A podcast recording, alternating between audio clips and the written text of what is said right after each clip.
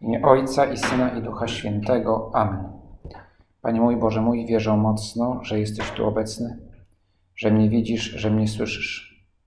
Uwielbiam Cię z najgłębszą uczcią. Proszę Ciebie o przebaczenie moich grzechów i o łaskę owocnego przeżycia tego czasu modlitwy. Matko moja niepokalana, święty Józefie Ojcze i Panie mój, Aniele stróżu mój, wstawcie się za mną. Albowiem Królestwo Niebieskie podobne jest do gospodarza, który wyszedł wczesnym rankiem, aby nająć robotników do swej winnicy.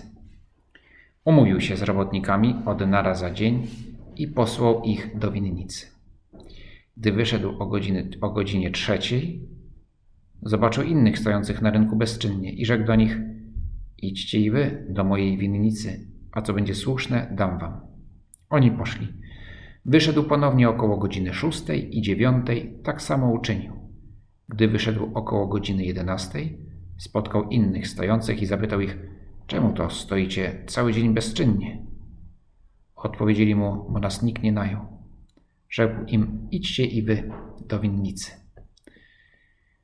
W niedzielnej Ewangelii wysłuchamy tej przypowieści, która jak każda przypowieść jest z życia wzięta, konkretnie z życia robotników najemnych. Życie robotnika najemnego w tamtych czasach, w czasach Pana Jezusa, a i w naszych w wielu miejscach podobnie, to życie z dnia na dzień, bez pewności zatrudnienia, z, może z perspektywą, może nie dnia, ale tygodnia, miesiąca, ale nie, nie stałej umowy o pracę. Niepewność, czy ta praca będzie. W ostatnich latach w Polsce ta zmora bezrobocia jest jakby mniej obecna, nawet znacząco mniej obecna.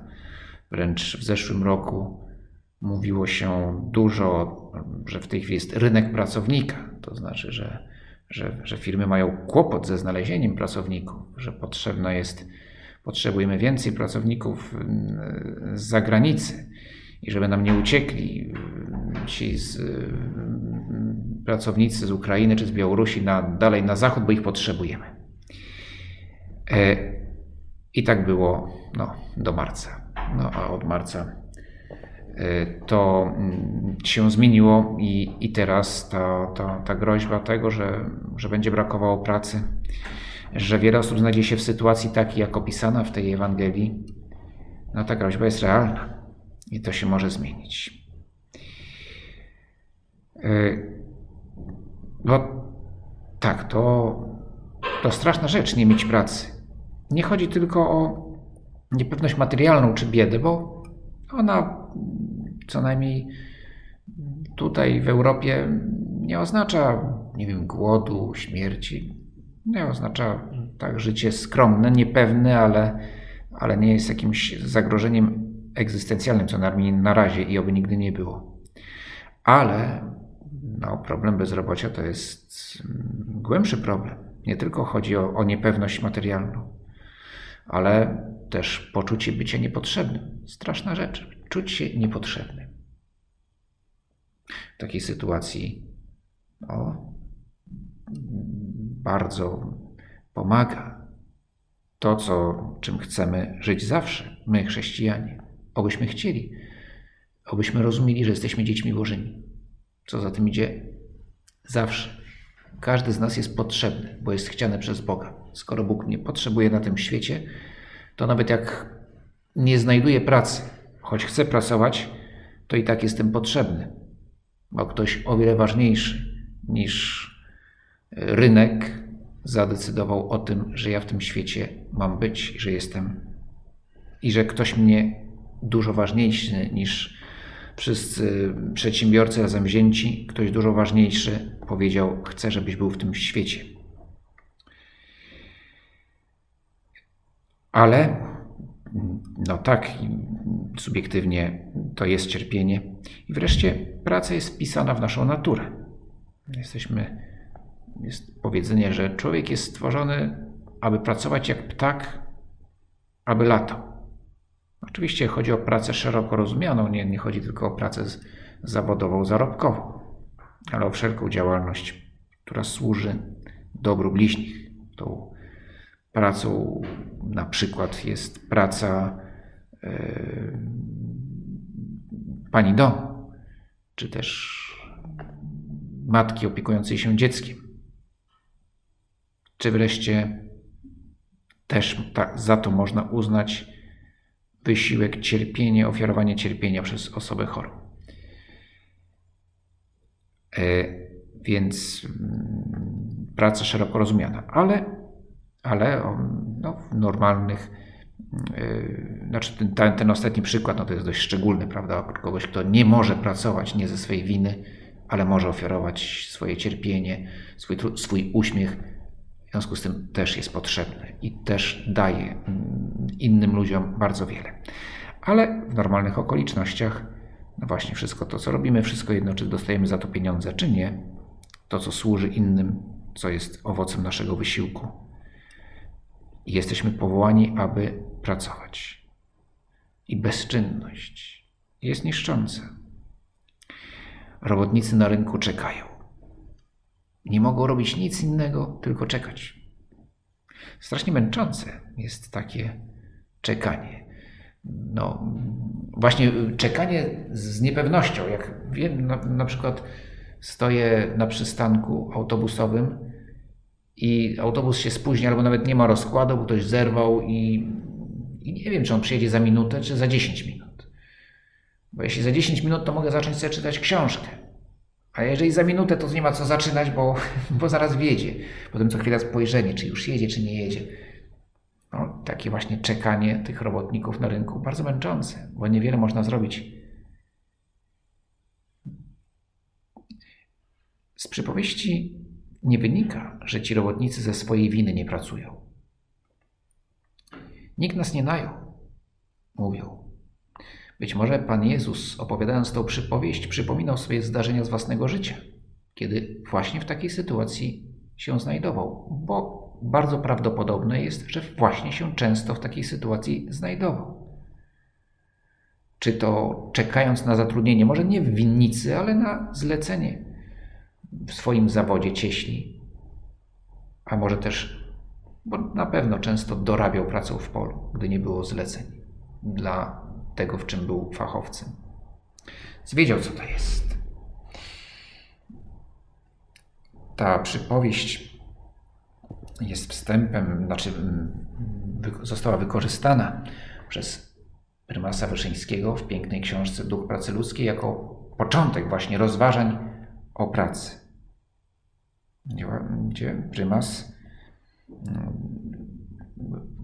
właśnie wskazuje na to, że że praca to coś więcej niż, niż źródło utrzymania. I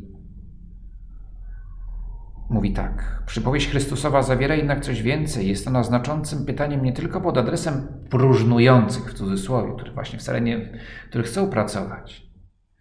Jest przykładem dla wszystkich, którzy kierują życiem ludzkim, by nie przechodzili obojętnie obok ludzi niezatrudnionych, tych, którzy nie umieją zorganizować sobie pracy albo nie mają możności pracy lub też woli pracy. Gospodarz ewangeliczny rozwiązuje to zagadnienie. Posyła do pracy, zachęca do niej, organizuje ją i daje zapłatę. Pan posyła ich do pracy, bo nie chce, żeby próżnowali. Nie daje im jałmużny, denara. W gruncie rzeczy wyszłoby mu pewnie na to samo. Godzina pracy tak, to, to była zapłata olbrzymia, wielokrotnie wyższa niż przewidywana za tylko godzinę pracy. Równie dobrze mógłby dać im po prostu i mówić, dobra, już nie zawracajcie mi tu głowy w tej winnicy, już robota wre, przyjdziecie, tylko bałaganu narobicie wchodząc tutaj. Macie po denarze. Ale nie on chce, żeby pracowali. Chce, żeby pracowali w winnicy, bo praca jest ważna, nie tylko utrzymanie. Dopłaci, byleby robili coś pożytecznego. O nich mu chodzi, a nie o winnice. I Ty, Panie Jezu, chcesz, byśmy zmieniali świat, czynili go lepszym poprzez pracę, poprzez pracę zawodową, poprzez studia, poprzez pracę społeczną, zaangażowanie społeczne wreszcie poprzez troskę o dom, o moich bliźnich, troskę materialną, ale też i duchową. A może nawet bardziej duchową niż materialną. Panie Jezu, nie potrzebujesz owoców naszej pracy. Stworzyłeś świat naprawdę bez naszego udziału i, i prawdopodobnie gdyby nie my, to ten świat by może wyglądał jakoś lepiej. Źle teraz mówię, bo tak naprawdę jesteśmy wpisani w ten świat, w boski plan. To, czego przekształcamy, jest wpisane. To jest tak, tak Bóg to pomyślał, a że często robimy to źle, to jest inna sprawa. Ale, ale Bóg chciał, żebyśmy, go, żebyśmy w nim byli. Tylko, no właśnie, między innymi ze świadomością, że nie jesteśmy panami, właścicielami świata, ale jesteśmy ogrodnikami. W każdym razie ty, Panie Boże, nie potrzebujesz naszej pracy, do, do, do, ona Ci nic nie dodaje. Ale owszem, chcesz, byśmy uczestniczyli, współuczestniczyli dziele stworzenia. I dajesz nam życie, abyśmy działali, abyśmy siebie samych, ale i świat wokół nas czynili lepszymi. Oby nigdy nie dotknęło nas takie próżnowanie, ale nie oczekiwanie na pracę wynikające z pecha czy, czy z jakiejś niezaradności niezawinionej, ale aby nigdy nas nie dotknęło właśnie takie podejście, jak no, w takim już najbardziej skrajnym przypadku mamy zawodowych bezrobotnych. On, jak to mówią, jest chłop morowy i bezrobotny jest zawodowy. No oczywiście, że, że ostatnią rzeczą, na którą ma ochotę, to dostać stałą pracę albo jakąkolwiek. Ważne, żeby, żeby jakoś sobie fajnie żyć różni cwaniacy. Ale też takich cwaniaków można i spotkać z, z podejściem do pracy. Czy dobro wspólne to jest ostatnią rzeczą, na której mi zależy. Ważne, żeby jak najwięcej zarobić i jak najmniej się narobić. Takich też jest sporo takiego podejścia. Ludzi z takim podejściem. To, to, też, e, to też są próżniacy. Nawet jeśli mają wysoką pozycję i świetnie zarabiają. W ogóle no, to już wchodzimy już w jakieś tam może zbyt daleko idące dywagacje, no ale czasami ma się wrażenie, że ci, co bardzo intensywnie pracują, ale pracują, znaczy robią to, co lubią i bardzo dobrze, to dobrze, jeżeli się robi to, co się lubi, to, to tak. Ale może być, że ktoś nawet nie to, że lubi, po prostu jest bardzo zaangażowany, ale w ogóle bez zastanowienia nad tym, że służy, żeby służyć innym ale wyłącznie, żeby siebie samego realizować i zarabiać. I są takie miejsca, gdzie ma się wrażenie, że lepiej, żeby ci ludzie nie pracowali, bo oni tylko szkodzą. Pracują bardzo intensywnie ze szkodą dla innych.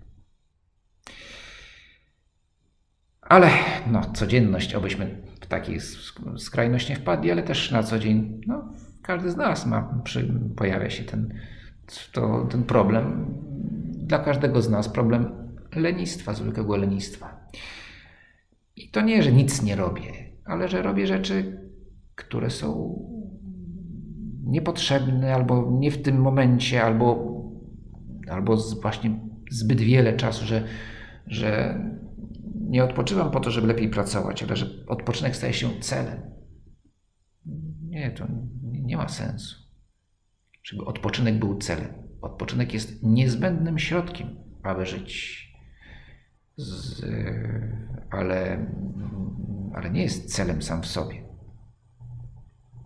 No chyba, że mówimy o tym odpoczynku ostatecznym w niebie, ale to, to, to firmy chyba takie zajmujące się organizacją wypoczynku raczej nie, nie, nie o tym, nie o takim wypoczynku mówią. Pozwólcie, że jeszcze raz powtórzę, mówi święty Josemaria, czy Twój czas należy do Ciebie? Twój czas należy do Boga. Być może z miłosierdzia Pańskiego w Twojej duszy na razie nie pojawił się ten egoizm.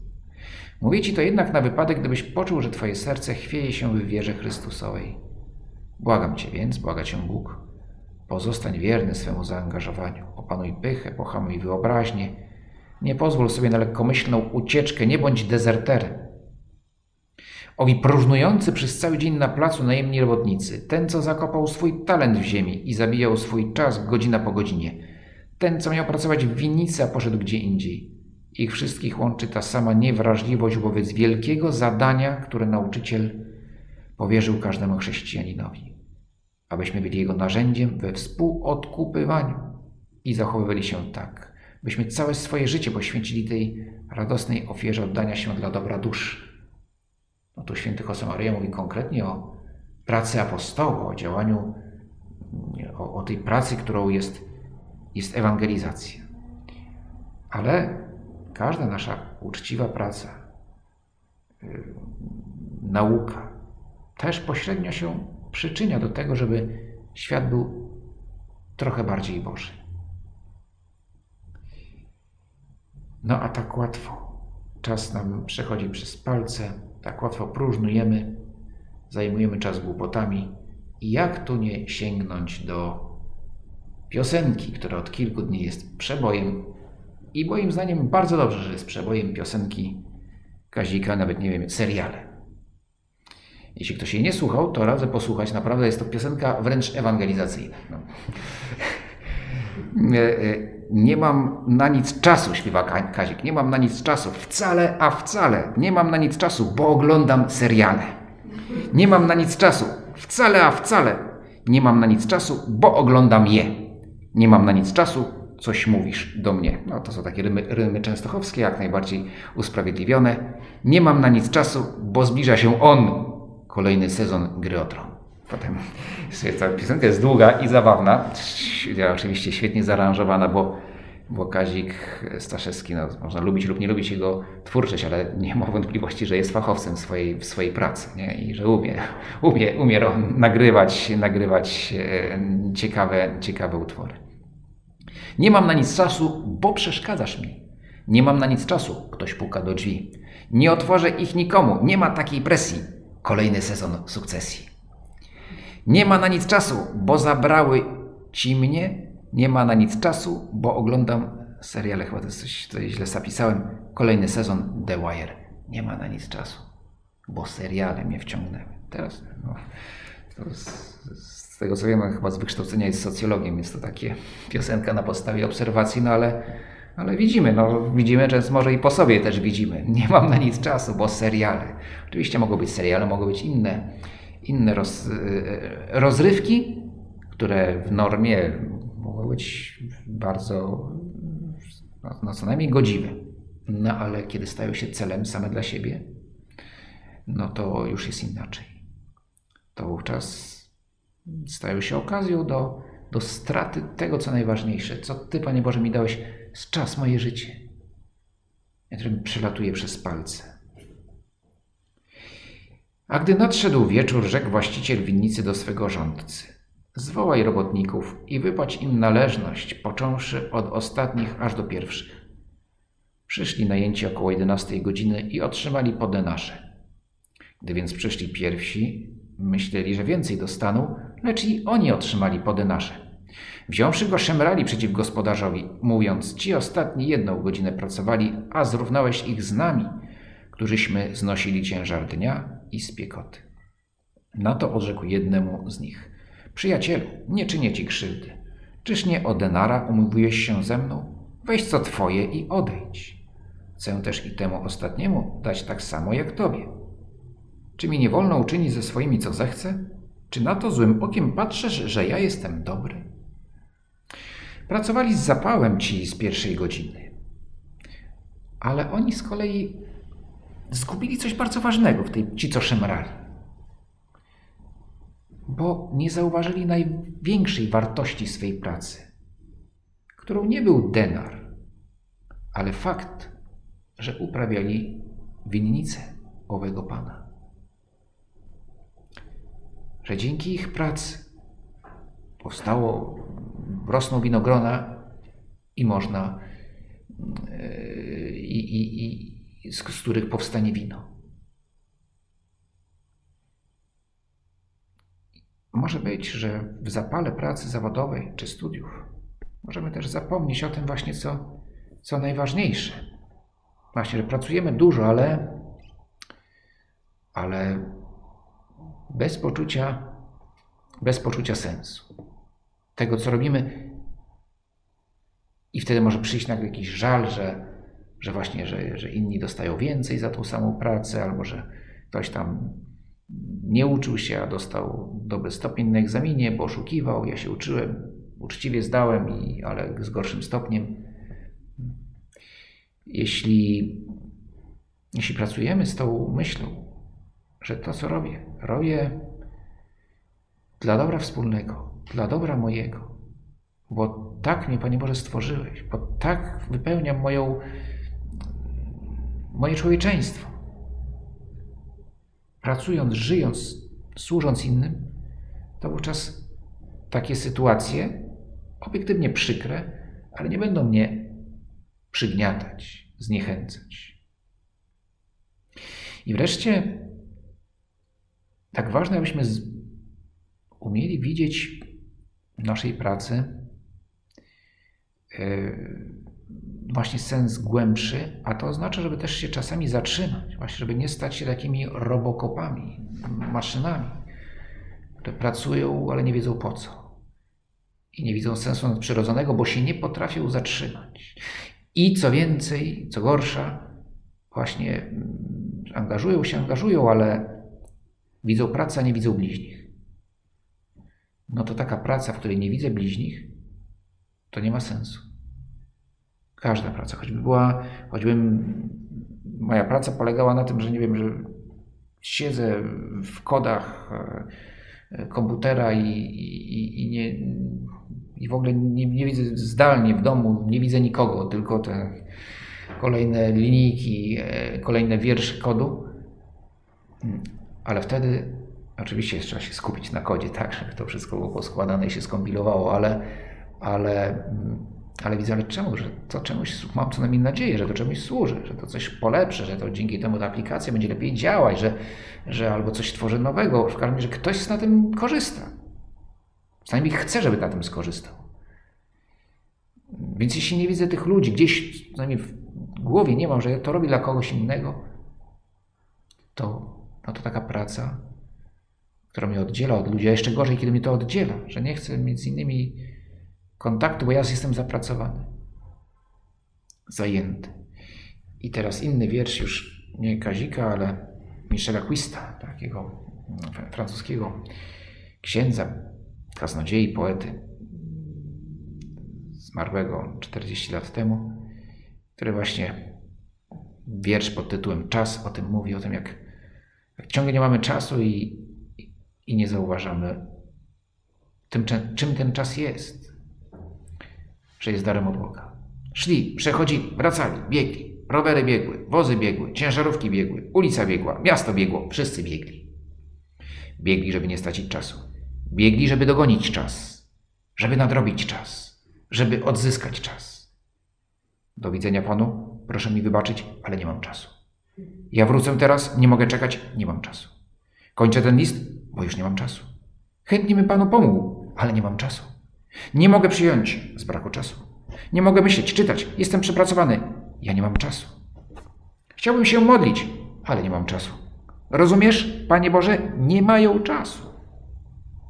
I potem jakby pokazuje życie człowieka, który ciągle nie ma czasu.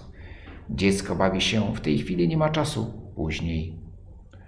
Uczeń ma wykłady i tyle pracy, nie ma czasu, później. Młody człowiek uprawia sport, nie ma czasu, później. Młody małżonek ma dom, musi go urządzić, nie ma czasu, później. Ojciec rodziny ma dzieci, nie ma czasu, później. Dziadkowie mają wnuki, nie mają czasu, później. Są chorzy, muszą się leczyć, nie mają czasu, później. Są umierający, nie mają. Za późno. Oni już nie mają czasu. Te wszystkie zajęcia tutaj wymienione mogą być i są, jeśli są, jeśli czynię je z miłości, tym, co mnie do Boga zbliża. Tutaj autor mówi to później, później, że Pan Bóg jest cały czas odkładany na później. To wszystko. Praca, sport, nawet i sport. Dom, wychowanie dzieci, wszystko to jak najbardziej może mnie do Boga zbliżyć, bo Bóg chce, abym to czynił. Ale pod warunkiem, że o nim pamiętam, że Bóg jest na pierwszym miejscu i że nie jest z powodu pracy i innych zajęć odsuwany na później. Bo kiedy jest odsuwany na później, to wówczas traci sens to wszystko, na co Bóg dał mi czas. Godziny są za krótkie, życie jest za krótkie. Ty, który jesteś poza czasem, uśmiechasz się, Panie, widząc, jak z nim walczymy. Ale wiesz, co robisz. Nie mylisz się w przydzielaniu ludziom czasu. Każdemu dajesz czas na zrobienie tego, co chcesz, by zrobił. Ale nie trzeba tracić czasu, marnować czasu, zabijać czasu, bo czas jest Twoim darem, ale darem niszczającym. Darem, którego nie można przetrzymać. A więc każda chwila jest cenna. Każda chwila ma swój sens, ma swoje znaczenie. I większą część naszego czasu w ciągu dnia wypełnia praca, studia, ale są też momenty, kiedy trzeba powiedzieć stop, koniec, bo oto jest rozmowa, bo oto y, z kimś bliskim, a może nawet nie tak bliskim, ale ktoś mnie zapytał, ktoś mnie zatrzymał na ulicy i, i, i, yy, i poprosił o pomoc i nie mam czasu, a może znajdę czas i wreszcie, i wreszcie modlitwa, którą ktoś powie jest luksusem, jest dodatkiem. Nie jest dodatkiem, jest podstawą, żeby to w ogóle wszystko miało sens, to całe bieganie. Panie Boże, dałeś mi dokładnie tyle czasu, ile trzeba. I ta przypowieść, wracając do tej przypowieści, no, mówi o tym, że każdy dostał czasu, ile Pan zadecydował.